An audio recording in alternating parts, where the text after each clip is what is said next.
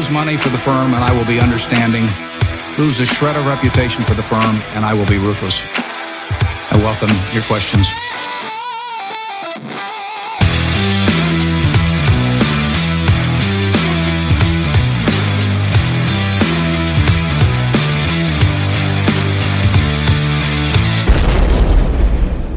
Välkomna till Kvalitetsaktiepodden. Det är jag som är Ola. Ja, och det är jag som är Klas. Eh, det här är avsnitt nummer tre. Eh, vi spelar in den 2 november. Vi vill ju passa på här i inledningen att tacka alla som lyssnar. Eh, vi är överväldigade faktiskt över den fina respons vi fått så här långt på våra två första avsnitt. Tack! Ja, tack så mycket för att ni lyssnar. Jättekul! Mm. Vi hoppas ju också att ni gör hyggliga investeringar då. Jo, precis. Det är väl lite där det ska mynna ut i så småningom. Jo då. Eh, så är det. Eh, agendan för dagen. Eh, mm. Handla i bolag vars verksamhet man inte riktigt förstår. Knepigt. Mm. Mm. Inte ja. helt självklart. Nej, Nej, men kanske därför värt en liten, liten diskussion. Mm. Rapportperioden. Ja, givetvis. Det kommer bli mycket rapporter idag. Eh, och vi har eh, bolag som Doro, Fenix, Enea, Proact, AQ med mera som eh, vi kommer ta upp. Mm, en, en hel hög, så det blir, blir i fokus idag. Ja. Därför så har vi eh, tagit det riktigt säkert när det gäller citatet. Mm. Idag blir det Buffett om ja. grunderna. Klockrent. Veckans fråga. Ja, precis. Cliffhanger på den. Mm. Ja. Eh, ja, det är väl lite det här med den här gamla intervjun som eh, Kurt Olsson gjorde med Patrik Sjöberg va? Eh, hur mm. brett hoppar du? Det, det, är väl lite koppling till den va? Ja, definitivt. det blir spännande. Ja. Ja. Sen vill vi återigen då för nytillkomna lyssnare eh, tipsa om introavsnittet. Det förklarar idén med den här podden. Mm. Eh, vilka vi är, varför man eventuellt ska lyssna på vad vi har att säga. Eh, sen kan det vara så att inledningen i alla fall av andra avsnittet är ett bra komplement om man också vill veta när det är läge att köpa och sälja. Precis. Eh, resten av det avsnittet hoppas vi väl snart ska falla i glömska. ah, nej, det var, det var okej. Okay. Ja. Ofattbart fin respons. Se om vi kan hålla uppe Ja, jättekul. jättekul. Hålla uppe det mm. eh, även idag och framöver. Ja, vi kör igång. Ja. Att äga bolag vars verksamhet man inte fullt ut förstår eller kan värdera. Och då har jag tänkt så här va. Mm. Eh, självupplevt naturligtvis här i rapporttider här.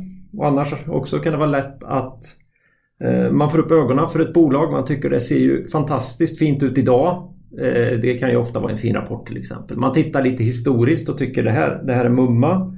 Men jag förstår inte riktigt deras verksamhet. Va? Jag har ju själv gjort den resan precis med Enea. Mm. Eh, och hur, hur, ska jag tänka? Och då är du ändå civilingenjör Claes va? Eh. De säger det. ja.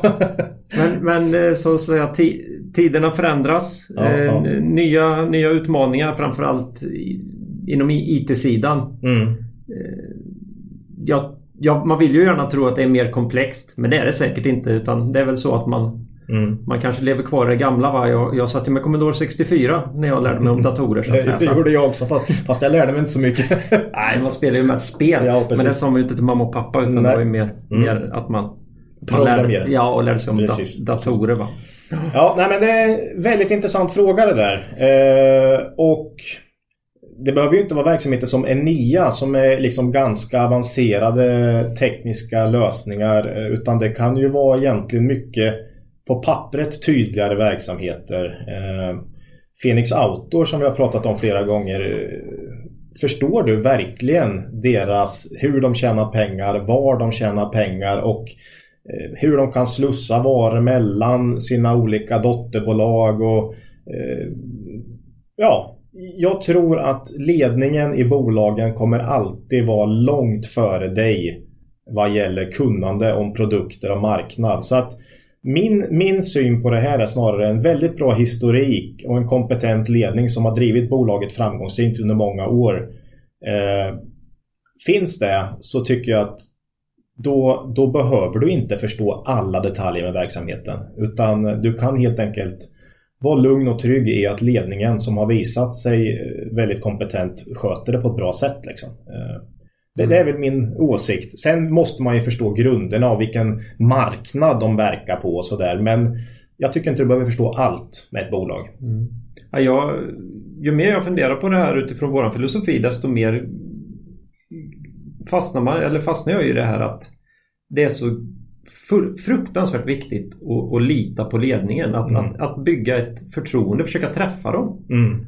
Det är ju också något vi gör. Ja, precis. Vi träffar ju många bolag, både noterade och onoterade bolag. Jätteviktigt för, för att du ska våga också bara om kursen går mm. ner om, i lågkonjunktur eller vad det nu är. Eh, att du ska våga bara ligga kvar och lita på att ledningen sköter det så bra de mm. möjligen kan. Liksom. Ja, nej men åk, åk på årsstämmor. Precis. Åk eh, på finansmarknadsdagar och allt. Analytikerträffar, vad det nu är. Ja, när, när de ger en möjligheten. Mm. Träffa dem och inte bara VDn. VDn är bara en, en del mm. i, i, i, de här, i de här stora bolagen som det ofta handlar om. Mm.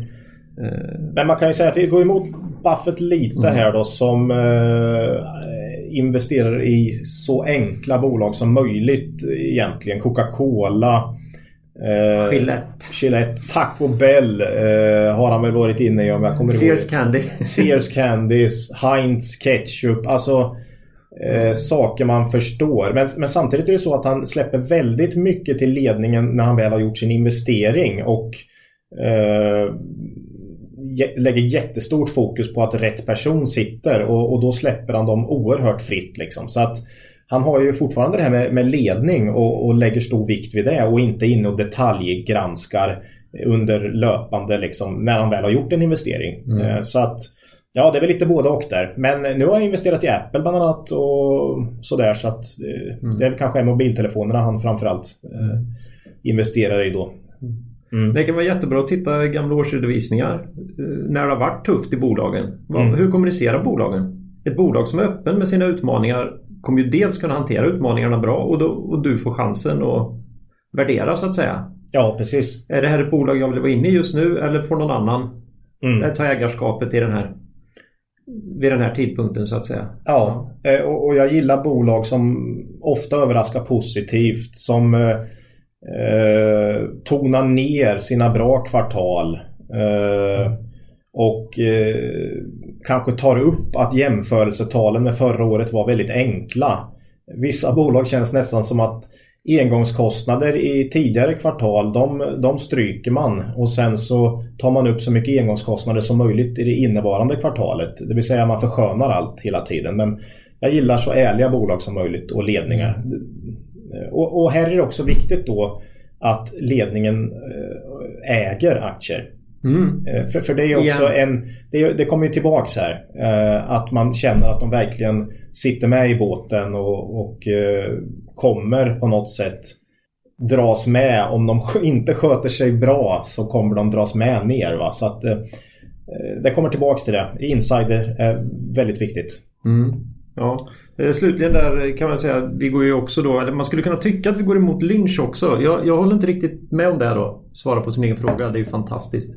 Det är bra med podd alltså. Ja, ja, ja. Nej, men, eh, Lynch jagar ju, jagar ju de här upcoming-bolagen i sin omgivning så att säga. Det är ju grunderna i hans eh, One-Up on Wall Street. Mm. Eh, det är ju inte någonting vi egentligen håller på med. Eh, men däremot så är ju, om man läser de bitarna som Lynch har skrivit om att hoppa på det som är hett och inne och sånt man inte förstår. Mm. Så säger han att det ska du ju inte göra med den approachen. Utan, utan det får du ju gå på när det finns en historik. Just det. Nej, så att mm. Det som skiljer oss där är ju att vi kanske inte tittar på, går omkring i den lokala gallerian och letar efter nästa heta affärskoncept eller sådär. Precis. Uh, ja, nej intressant. Mycket intressant. Mm. Bra, det var, hoppas att det var eh, klargörande för någon. Mm. Eh, vi har funderat en del på det här i alla fall. Ja, det är bra att rannsaka sig själv lite. Vad gör man och hur agerar man? Mm. Ja, vi får springa vidare här idag mm. om inte det här ska bli ett orimligt långt avsnitt till. Mm. Eh, nu befinner vi oss i svallvågorna av den intensivaste delen av rapportperioden. Eh, flera kvalitetsbolag har rapporterat. Mm. Eh, och så ska vi nu säga några ord om lite, några av dem här. Ja, precis. Så jag hugger in direkt här så får vi se vad du har att säga. Bra. Eh, Doro har gått från telefonsvarare och trådlösa telefoner i marknätet till eh, telekommunikation och trygghetslösningar för seniorer. Ja, precis. Eh, kom in en rapport här. Omsättning och orderingång eh, i stort sett oförändrad. Eh, ebit eh, vinst alltså före finansnetto. Eh, kraftigt plus, 55% plus. Eh, mycket beroende på engångseffekter förra året eh, då man drabbades ganska hårt av ett eh, upphandlingsavtal som inte kunde, kunde handlas på. Eh, bolaget handlas till P13 ungefär och det är, det är ett intressant bolag. Eh, men jag tycker Doro har en del att bevisa i dagsläget. Eh, man måste börja visa tillväxt igen. Lönsamheten har faktiskt successivt fallit de senaste fem åren. Jag, måste, jag, jag skulle vilja se någon typ av vändning där. Och dessutom har man ju ny VD. Eh, som jag inte riktigt... Jag, vet, jag känner inte riktigt jag förstår vad det är han vill göra med Doro framöver nu. Jerome har haft det här bolaget väldigt länge och drivit det med framgång. Men vad vill nya VD? Jag, jag, jag, tycker man kan vänta lite här och se vart det är på väg. Det intressanta med Dora är ju hela care och tjänstebiten och jag hoppas att det är det man ska liksom på något sätt bygga på även framöver. Eh, mm. Men som sagt, jag, jag, jag, vill se lite mer av Doro innan jag, jag köper. Ja, de vill gärna tillbaka i den gamla telefonstorhetstiden igen känns det som. Ja. Det, det, är frågan om det är... Nej, jag tror, jag tror visst det är smarta telefoner nu och så men eh, jag, jag, tycker det här care-segmentet och tjänstebiten är, är där man ska försöka bygga på. Mm. Uh, ja. ja. Kvalitetsaktiepodens lilla älskling då. Phoenix Outdoor. Ägare till affärskedjorna Naturkompaniet, Globetrotter, Partioaita. Oj, Klas. Och märken då. Fjällräven med konken. Mm, eh, Tierra. Primus. Mm. Eh, när strömmen har gått. Eh, rimlig rapport enligt storägaren. Ja. Martin Nordin. Äh, VD då. Ja, precis. Vad säger du Ola? Ja, rimlig rapport. Han är ju så ödmjuk och det här säger väl allt om en, en, en perfekt ledning. va. Eh, tonar ner bra kvartal och eh, förskönar ingenting. Det är fantastiskt. Det är precis den här typen av ledningar man vill ha. Eh, omsättningen ökade 17% och eh, vinsten ökade 32%. Eh, rimligt? Ja, enligt Martin Nordin då. Eh, och det här var bättre än vad jag hade väntat mig och de här, den här typen av bolag överraskar ofta positivt och man ska liksom inte se... Det är också något som är väldigt viktigt att komma ihåg att bolag som notoriskt överraskar positivt de har ju en ganska lågmäld eh, framtoning av sin verksamhet men det är ofta ett väldigt bra bolag att äga. De som alltid överraskar positivt. Och ja, jag älskar det här bolaget. Eh, omsättningen drivs fortfarande framförallt av brands, deras varumärken. Eh, marginalerna är framförallt, att de ökar är framförallt en eh, effekt av att man fortsätter förbättra retail. Eh, och där har jag väl lite frågor för hur mycket av den liksom förbättringen som nu redan är gjord då. Eh, hur mm. mycket kan man ytterligare öka marginalen i retail? Och med tanke på P strax under 20 här nu på Fenix så Ja, de har ju kommit upp något vansinnigt ja, de sista veckorna. vi snackade ju om dem för någon månad sedan här i vårt första avsnitt och då stod de i 800 kronor och nu står de i 1000. Eh, så det är ju 25% upp här på en månad. Så att på 800 hade jag sagt solklart. Köp. Men eh, nu känns det inte lika självklart utan det känns hyggligt rimligt värderat eh, mm. i dagsläget tycker jag. Men, men jättefin rapport som vanligt. Så. Mm. Sen, sen, ska man komma ihåg att Q4 också som eh, håller på just nu är normalt väldigt väderberoende. Eh, så att det kan slå lite i och med att man, det är dunjackor och sånt. Mm. Eh, så, så Q4 brukar kunna slå ganska mycket mellan åren beroende på vädret. Så det är ju också en riskfaktor i det korta perspektivet. Eh, mm. Ja. Och numera också både vädret i Tyskland och Finland då? Ja precis, precis. Tyskland är väl 50% av Fenix marknad nu tror jag. Mm. Eh, så Tyskland, håll koll på vädret i Hamburg snarare än i, i, Stockholm. Ja, vi har pratat om det tidigare att det kanske inte alltid bara räcker att titta ut genom fönstret för att... Nej, för det, H&M har vi ju... Jag tror det var då vi snackade om H&M va? Mm. Just det här att man kollar på närmsta butiken och hur det ser ut där men Eh, ja, det, är så mycket mer i de här bolagen än bara din lokala Naturkompaniet butik. Mm. Å andra sidan kan det ju uppsidor om folk handlar på den typen av eh, grundanalyser. Ja, absolut.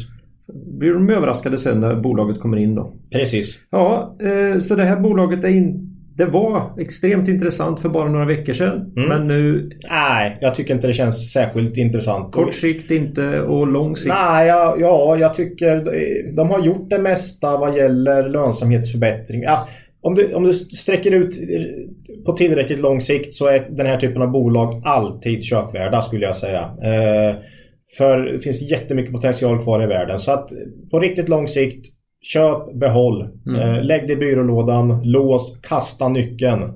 Det, det skulle jag råda till i, i fallet Fenix. Men på kort sikt tycker jag det mesta är taget eh, här faktiskt. Mm. Och Dagens Industri ändå- hade ju en positiv analys här också i måndags. Eh, Ja, Mm. Men vi försöker ju vara aningen mer aktiva än så med, med våra pengar i alla fall i Mm. Dagsläget. precis. Eh, jag tyckte det kunde vara viktigt att Ja. konstatera. Mm. Nu då. Datalagring, molnlösningar och IT-säkerhet.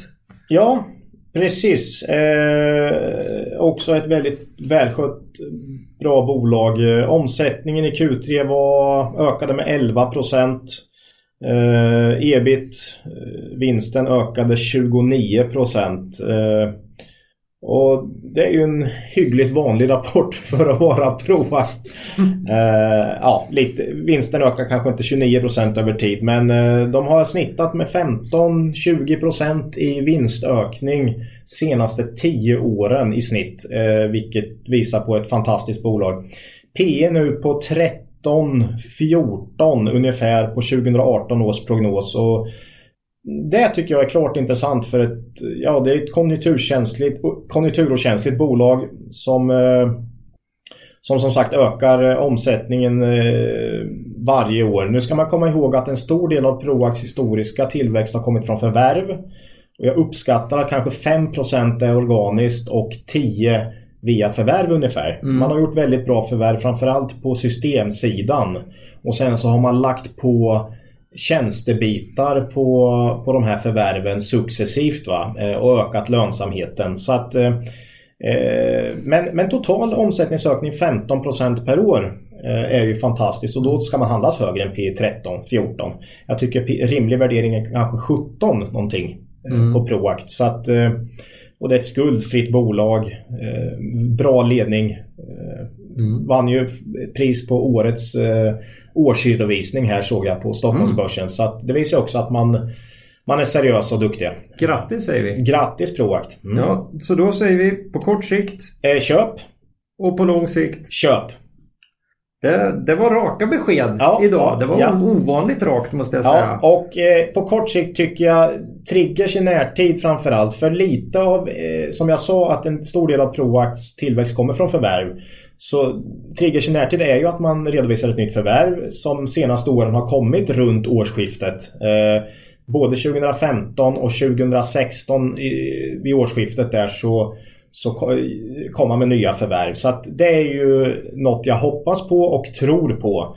Eh, sen har du ju också att de finansiella målen som man faktiskt har uppnått i år. Eh, och då funderar man ju på om det inte är dags att eh, omformulera dem, höja kanske eventuellt. Man är uppe på 5% rörelsemarginal nu. Eh, kan vara dags att höja dem. För i Nordic som är 50% av verksamheten och lite mognare del ligger man på över 6% eh, i marginal. Och man bör kunna lyfta resten till det tycker jag också. Eh, istället för de 4% som, som övriga Europa ligger på då. Va? Eh, Sen tycker jag tillväxtmålet, att man ska växa mer än marknaden, eh, säger inte så mycket egentligen. Utan jag skulle vilja eh, att man satte ett tillväxtmål med procentsats på eh, 10% över tid. Eller vad det nu är liksom. Så att ja, triggers i närtid är väl då förvärv och att man kanske uppdaterar de finansiella målen. Så håll koll på det. Mm. Mm. Spännande. Ja. Eh, Nästa bolag som har rapporterat här, AQ Group, Oros Quality Group. Eh, Det är en underleverantör till industrin. Det är allt från formsprutade plastdetaljer till el, elskåp och Ja. ja jösses. Det är mycket. Ja, det är mycket. Ibland gillar, tycker jag desto tråkigare produkter desto bättre aktie att äga på något sätt. Ja, lynch. Lynch ja. Ja. ja. jag gillar verkligen det där. Eh, och AQ är ju, om man liksom kopplar tillbaks på de bolag Fenix och, och Proact och så här, eh, så är det ju också ett bolag som som ofta eh, överpresterar och kommer in bättre än förväntat och eh, lågmälda i sin framtoning. Ledningen äger jättemycket aktier och, och så va. Eh, jag, jag, läste en gång en intervju med VD där han sa att eh, han fick frågan vilken eh, hans hobby var. Och då sa han rörelsemarginalen. det är fruktansvärt eh, kul liksom och visar på, på engagemang. Va? Ja. Så att eh, ja, nej. AQ Group, de kom in med en tillväxt på 28 procent. Eh, som i stort sett är, eller mycket, stor del är förvärvad. Mm. De har också en bra historik av förvärv, eh, ska vi säga, precis som Proact. Ja, det där är ju en konst. Det där ska ja. vi återkomma till eh, någon gång. Hur, man Absolut. kan dra förvärv åt olika håll. Alltså. Vi måste ta någon form av special eller en del av ett program då vi pratar förvärv och hur det kan Eh, slå på verksamheten. Absolut. Och då, då kommer vi definitivt prata AQ men mm. Nej, men, här bra här. Ja, 28% plus i omsättning och vinsten ökade med 21% då och eh, omsättningen drevs framförallt av förvärv. eh, PE på AQ ligger nu på cirka 17 för nästa år. Eh, Ja, det kan ju tyckas högt men ja, jag tycker det känns ganska rimligt för den fina historik de har. Vad man kan fundera på är väl liksom deras konjunkturkänslighet här då och eh, världsekonomin går på högvarv och många, ja, jag, jag, jag tycker de har rörelsemarginal lite över sitt historiska snitt och sådär så att Eh, P17, hade det varit P14 kanske då, då hade jag sagt eh, köp. Men P17 känns liksom som att de är rimligt värderade. Eh, så på kort sikt eh, varken eller men på lång sikt eh, också ett sånt där bolag man kan gömma i byrålådan tycker jag. Mm. Och, och, naturligtvis fiska på också här om det, om det kommer någon nyhet som marknaden ja. över Framförallt är det ju ett sånt bolag man ska köpa om börsen börjar skaka eh, mm. och börsen går ner och konjunkturen vänder. För de kommer tappa en del rörelsemarginal i lågkonjunktur eh, och kan man då köpa det till, en bra, till ett bra pris så, så är det förmodligen ett jättebra köp. Eh, vad, jag, vad jag vet och kommer ihåg så har AQ aldrig minskat omsättningen ett enda år. Mm. Så det kan inte vara extra, ja det är konjunkturkänsligt men det är så välskött och så förvärvar man också då samtidigt så att eh, eh Superfint bolag men P17 känns som en eh, rimlig värdering tycker jag i mm. dagsläget. Mm. Ja, nu ska vi ut på vägarna. Mm. Kabe, husvagnar, husbilar, campingtillbehör på en europeisk marknad. Precis. Om man får tro dem själva, du säger mer nordisk. Ja, mycket är ju Norden eh, är det faktiskt. Eh, sen har de ju, är de ju återförsäljare av eh, Adria och så. Mm. Men mycket är Norden. Man exporterar ju en hel del också mm. men, men mycket är Norden. Omsättning ökade med 1% i Q3. Ebit, vinsten, minskade med 19%. Ja, PE ligger på 13 ungefär. Mm. Och 2018 års förväntade vinst. Och eh, bolaget ligger ungefär på sin historiska snittmarginal nu. Eh, jag gillar det här bolaget. Det är mycket välskött. Det är smålänningar eh, som brukar eh, hålla i kostnadsmassan. Jag kommer ihåg fortfarande hur de hanterade eh, inbromsningen i konjunkturen 2008. Då tyckte jag nästan att, att eh, Kabe var först ut av alla börsbolag med eh, att varsla personal. Eh, oerhört eh, välskött bolag. Eh, P13 som sagt eh, Ja, det är väl ungefär där de bör ligga tycker jag. De har ingen jättehög tillväxt. De har kanske 5 eh, Ja, inte, mm. inte över 10% utan snarare 5% tillväxt över tid. Och P13 känns rimligt. Ganska tuffa jämförelsetal nu också i det korta perspektivet. Men eh, ett bra bolag att äga långsiktigt tycker jag också. Eh, men i korta perspektivet eh, inget, ingen sån där som jag fastnar för direkt. Mm. Bra. Nu kommer vi till en annan sån här favorit då. HiQ. Mm. Vi lyfter på hatten för Lars Stugemos IT-konsulter här. Mm. Men rapporten Ja, äh, rapporten var inte sådär uh, jättebra faktiskt. Uh, det fanns ju IT-konsulter den här perioden som slog HiQ på fingrarna tycker jag. Mm. Uh, omsättningen plus 5%, vinsten minus 18%. Eh, vad man ska komma ihåg och vad Lars Stugemo har sagt historiskt är att lönsamheten i just Q3 kan slå ganska mycket mellan åren beroende på lite när man kommer igång eh, efter semestrarna och hur man kommer igång i augusti. Eh, och just, jag tror inte, man ska inte dra för stora växlar av lönsamheten i just Q3. Men däremot P18 på HiQ nu för nästa år eh, det känns för dyrt. Även om det är ett kvalitetsbolag så är det för dyrt eh, med tanke på att tillväxten de senaste 10 åren bara varit 8%. Mm. Eh, jag, jag, passar på HiQ. Jag, jag, tycker inte det känns intressant i dagsläget. Eh, det är för dyrt helt enkelt. Nej, vi tittar ju på dem alltid för att det är ett så fint bolag så man vill vara med den dagen mm. börsen får fnatt. Ja, eh, som sagt tillväxten historiskt har inte varit jättehög men de är ju väldigt bra vad gäller att hålla lönsamheten eh, på bra nivåer. Mm. Mm. Och rak och ärlig bolagsledning. Absolut. Mm. Ja, sist ut idag då. Mm. Swedol. Mm. Butikskedja i handel. Mm. Verktyg, kläder, maskiner. Mm. Får man fråga dem själva så är det för proffs, av proffs.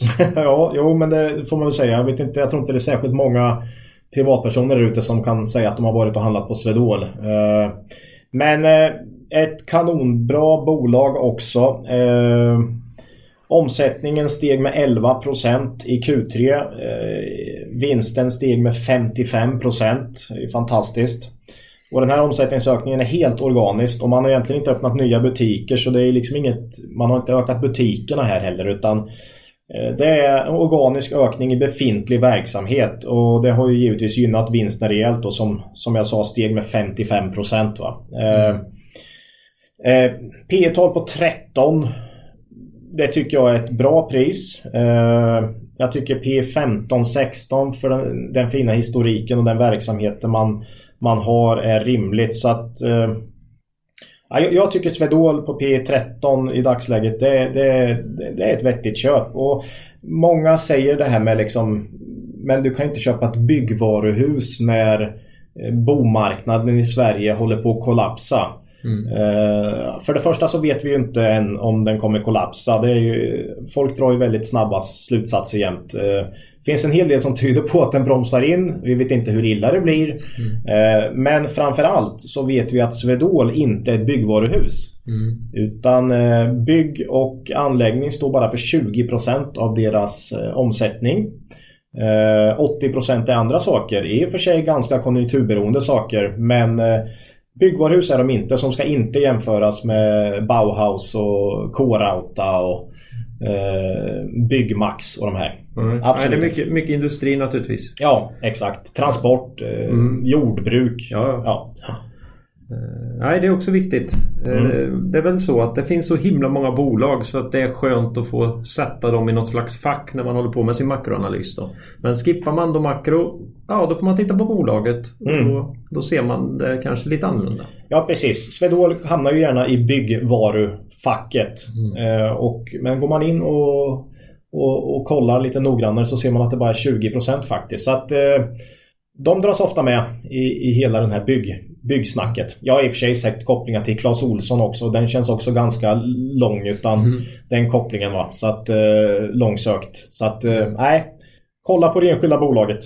Mm. Nej men så att Swedol då. Eh, jag tycker det känns...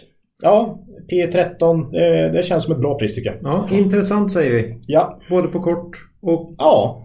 Och, och det här är också ett sånt här bolag man kan ha länge. Mm. De kommer, blir det en eh, lågkonjunktur så kommer de komma ut starka på andra sidan. Ja, precis. Kan vi vara förvissade om. Ja. Eh, ja. Mm. Här gick det undan. Ja. Då stänger vi bolags... Ja, för den här gången. Ja. Och, och hoppar raskt vidare till veckans citat. Kul! Ja, visst. Nej, det här är ju ett av eh, Eh, ja, jag ska säga att nu, det är hög, högtidligt värre här när Mr Buffett ska få göra entré i Jaha. kvalitetsaktiepodden. Mm. Shoot! Eh, ja. Eh, vi kan väl säga att Warren Buffett har sagt det här och då är han ju kraftigt influerad av Benjamin Graham. Mm. Så att vi inte får upp, upprörda stämningar på Facebook. Och kanske till och med på Twitter. Eh, han har sagt så här. The basic ideas of investing are to look at stocks as businesses. Use market fluctuations to your advantage and seek a margin of safety. A hundred years from now they will still be the cornerstones of investing. Mm. Ja, vad ska man säga? Jag, jag, vet knappt vad jag ska säga. Det är liksom... Det är grunden och fundamentet till, till det vi jobbar med. Och jag tycker om man genuint förstår det här som du precis läste upp eh, och kan anamma det i sin, sina investeringar så kommer du lyckas väldigt, väldigt bra. Ja, svårt att analysera mer faktiskt. Men det är verkligen grunden till, till allt vi håller på med skulle jag säga. Ja, nej, det är ju alltid lite coolare på, eh, på, på engelska men, men på svenska.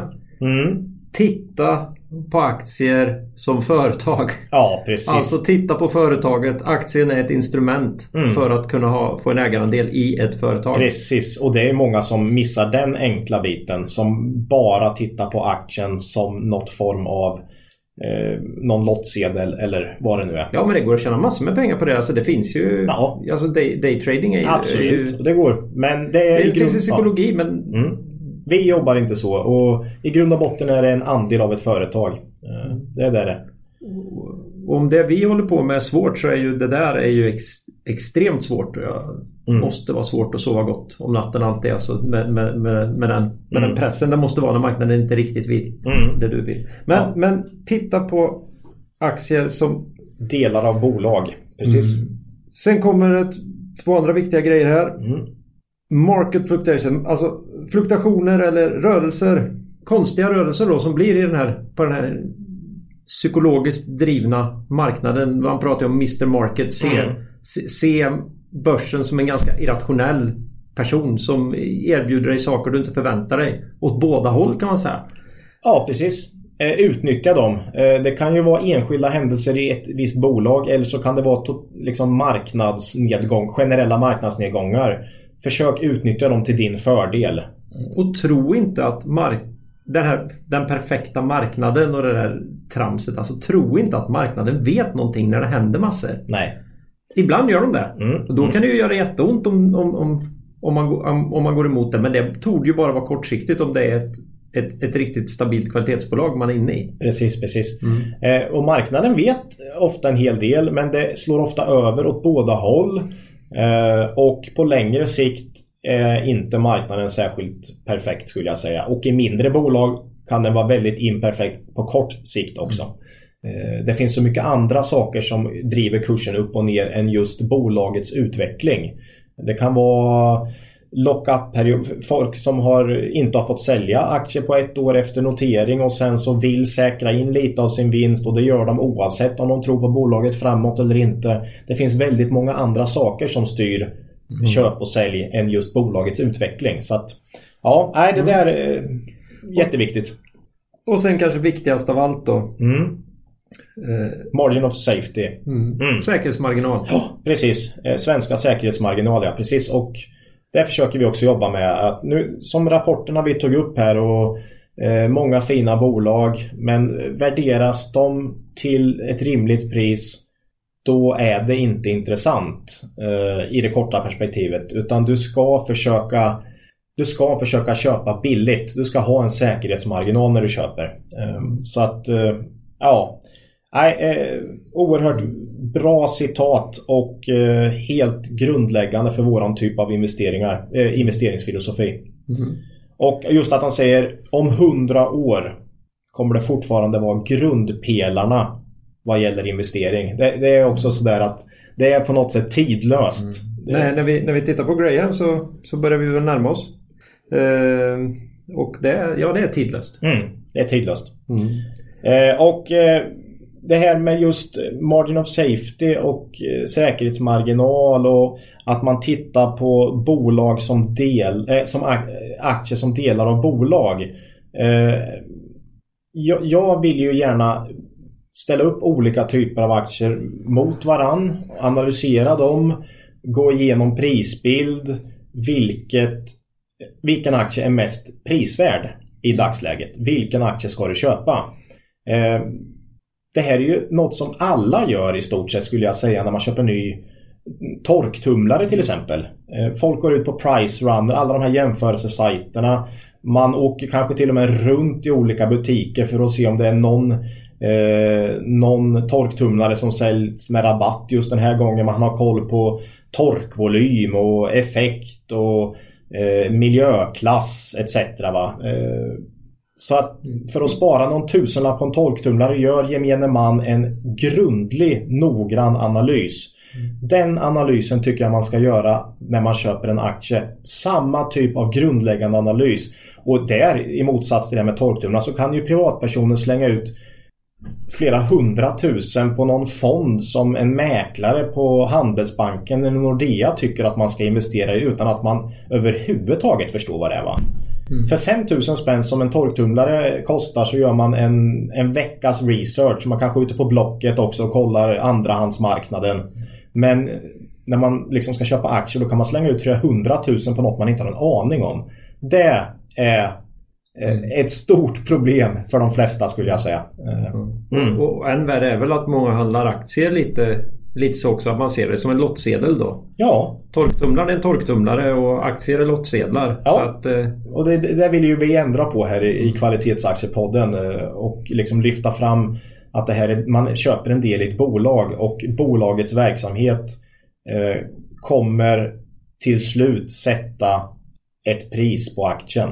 Mm. Eh, så ja, mm. nästa gång ni köper en aktie, tänk torktumlaren. Mm. Mm. Ett bra tips. Och det, och det där är alltså inte en köplek på Electrolux nu? Nej. De har i och för sig gått fruktansvärt bra men... Ja, ja, nej, utan det är mer liksom hur du ska attackera din, eh, dina aktieköp. Mm. Mm. Härligt! Mm. Vi kanske ska göra ett price runner för, för aktier på något sätt. Jag vet, ja. ja, det finns ju massa. Man, man, man sorterar på nyckeltal och ja. Men gör din egen analys mm. tycker jag. Jo men mm. eh, alltså de lätt, eh, Avanza och Nordnet och de här har gjort det jättelätt att handla aktier idag. Och mm. så, så, lite åt det hållet har väl börjat komma kanske. Ja absolut. Eh, men jag tycker det är väl just jämförelsefunktionen som är lite dålig. Ja. Eh, ja. Mm. Bra. Eh, vi får eh, hoppa vidare till frågan här. Dagens fråga. Ja. Mm, härligt. Eh, ännu en av våra mer hängivna lyssnare har kommit in med en fråga här och precis som vi var inne på inledningen här idag så frågar ju Kurt Olsson Patrik Sjöberg en gång som, som då misstänker jag var hade världsrekordet i höjdhopp. Ja, det var ju säkert på 80-talet. Ja, ja så, så det var inte hur högt han hade hoppat utan han frågade förvisso också hur brett han hade hoppat. och det, prat, det har vi pratat om. Eh, hur många aktier ska man ha i sin korg? Mm. Det, där när de sitter uppe på taket ja, i, en Ikea. i, i, i, i, jätte, i jättemöbler va? Ja, på Ikea. Just det, just det. Ja, mm, mm, mm, eh, som vi tyvärr inte kan handla i. Nej, nej. Eh, och då är ju frågan här, hur lågt? Hur lågt har han hoppat? hur lite ja. är det värt att köpa en aktie? Du menar eh, som senast sa vi 15% max eller 15-20% mm. max i en aktie eh, mm. av din portfölj ska ligga i ett bolag. Mm. Ja. ja, jätteintressant fråga. Hur lite kan, ska, kan du ha i en aktie? Mm. Eh, och där tycker jag väl mer gränsen får vara att i och med att jag är för att kunna följa bolagens utveckling Eh, även om du inte behöver förstå exakt vad alla bolag gör så ska du ändå kunna följa med och se hur bolaget levererar utifrån vinst och, och omsättning. Eh, och har du för många bolag i din portfölj så blir ju det nästan omöjligt. Eh, även om du jobbar heltid med aktier och, och har du ett annat jobb också så är det ju omöjligt skulle jag säga. Så att eh Ja, jag tycker 20 bolag då. Kan det vara max, absolut max att ha i en portfölj? Eh, har du mer än så då blir det liksom omöjligt att hålla koll va? Ja, och då ska det baska med vara 5 5 procent. Ja det blir ju. Och vi är ju ingenjörer som sagt. Så att, ja, eh, ja. Någonstans där tycker jag. Har du mindre än så så då blir det för mycket bolag helt enkelt. Mm. Eh, sen, sen, kan du ju ta en så här. Jag vill ha 1 procent. Jag vill bara. Eh, jag vill. Det är en lottsedel för mig. Eh, mm. Okej, okay. då har du sagt att du har investerat 1% av din portfölj i en lottsedel. Mm. Och eh, då, men då ska, du, då ska du ju då ska du ju veta det och du ska eh, på något sätt eh, vara tydlig med det för dig själv. Att det är så du har gjort. Jag gillar inte den typen av investeringar men om ni vill göra det så, så erkänn det för er själva i så fall. Mm. Mm. Ja. Vi tar lite Precise Biometric ja. eller, no, eller, ja. eller något roligt forsknings, eh, forskningsbolag på mm. någon ny medicin eller något sånt där. Men kvalitet, alltså bolag som du ska kunna följa och sådär, det tycker jag 5% under det så blir det för mycket att, att hålla koll på och, mm. och, och, för mycket bolag att följa. Tycker mm. nu, nu, har jag ju den stora glädjen att få följa dig Ola i din, eh, i din vardag när du handlar. Mm. Och jag vet ju att ett av dina viktigaste knep det är ju att du tar en liten position. Mm. När du sitter och vacklar mm. i ett bolag. Då tar du en liten position. Mm. För då börjar hjärnan jobba på ett helt annat ja. sätt och, och magkänslan förstärks. Jag tror det finns, ja, det finns säkert fler som gör så. Eh, men för mig, jag tycker det, jag tycker det är väldigt viktigt för att verkligen Alltså du, du, på något sätt tvingar du dig själv att gå på djupet. Eh, och det blir på riktigt. Du får uppleva de psykologiska effekterna av en investering också. Eh, för det är inte oviktigt mm. att du ska kunna stå emot marknaden. Va? Mm. Eh, du ska känna dig så trygg så att marknadens kortsiktiga fluktuationer ska vara det ska vara oviktigt för dig. Mm. Eh, och Så att ta en liten position i ett bolag, börja granska det och sen kommer du fram till att nej, det här är inget för mig. Säljer du av igen och då kan det ju givetvis bli vinst eller det blir förlust men det blir oerhört lite. Eh, påverkan. Men det får, det får dig ändå börja tänka och känna psykologin lite. Eh, ja, ja, bra, bra att du tog upp det. Mm. Eh, men där någonstans är det ju ganska snart. Du, du in, inom samma dag eller inom de närmaste dagarna, dagarna. så tar ju du beslutet. Ja. Jag har ju sett där och det är nästan oftare att du säljer av igen. Ja, jo, så är det nog. Mm. Uh, och sen några av dem har ju blivit fruktansvärt bra när, mm. du, har, mm. när du har gått upp då i innehav. Och... Ja, 80% av de, de gångerna kanske man säljer av igen och, och 20% så, så ökar man upp efter några dagar när man har gjort hela sin läxa och emotionellt eh, liksom bol, in, in, innehavet, investeringen har satt sig emotionellt och, och så. Eh, mm. Då, då är det rätt och då kan man köpa upp till ett fullt innehav. Så det är en ganska bra strategi eh, mm. eh, att man, man tar en liten position i ett bolag. Mm. Nu var ju inte det här överhuvudtaget egentligen ett nej, svar på, nej, men, på, frå eh, på, frågan. Men jag tror att det är en intressant, intressant. utveckling av det här att, att ändå ta en liten position. Ja. Men, men max 20 bolag då? Ja det tycker jag. Mer än så blir ju... Det, det, det tycker jag blir... Och då, då, ska du ha några, då ska du ha någon rimlig procentfördelning där också. Ja. Eh, annars så... Mm. Ja, jag vet. Ja, då är frågan vad man håller på med. Man blir, måste bli oerhört distraherad av alla dessa. Mm. Jag kan tycka 8 till 12 bolag är väldigt bra. Mm. Och då har du runt 10% i varje. Mm. mm. Eh, bra, vi får hoppas att eh, lyssnaren blir nöjd. Mm. Eh, det är dags att knyta ihop säcken. Redan? Ja. Ja, mm. redan. Tiden springer iväg här kan jag säga. Jag har den stora glädjen att få titta på på klockan här. ja, ja. Eh, vi tänkte prova en ny grej. Vi är ju sådana. Vi provar ju alltid nya grejer. Mm. Eh, vi vet att det här kanske är lite lökigt men ni får hänga på oss. Eh, vi har ju upptäckt att det finns en del farliga förväxlingsbolag på börsen. Mm. Så nu, ni som är lite nya här och, och lyssnar på oss här, är det viktigt att man handlar i rätt bolag. Ja. Så då tänkte vi, vi prova och se här om om det här kan vara konsumentupplysning. Kan vi säga det? Ja. På, med, med, med, lite glimten i ögat Nej, här. Är det, är det, är det? Nej. Nej. Men, och, och, det kanske säger lite grann om också hur, hur vi delar upp bolagen i våra, mm. i våra sinnen. Ja. Då säger jag så här Ola. Mm. När du tänker handla Adnode. Handla inte Anoto. Nej, det är typisk förväxling man kan göra mellan ett bra bolag och ett mindre bra liksom. Ja. ja. Okej, okay, men om du då tänker handla... Proact. Handla då inte... Precise. Ja, den, den är farlig. Den är farlig. Ja, det, det, det, ja. det är nog inte många som har gjort den. Nej, men det händer det så se upp alltså. Ja. Mm. Mm. Okej. Okay. Men, men när du då tänker handla? Systemair. Handla då inte... Cyber Arrow. Ah! Aj. ja, ja, ja. Aj. Det kan också gå snett då. Väldigt snett. Okej. Ja, kör nästa.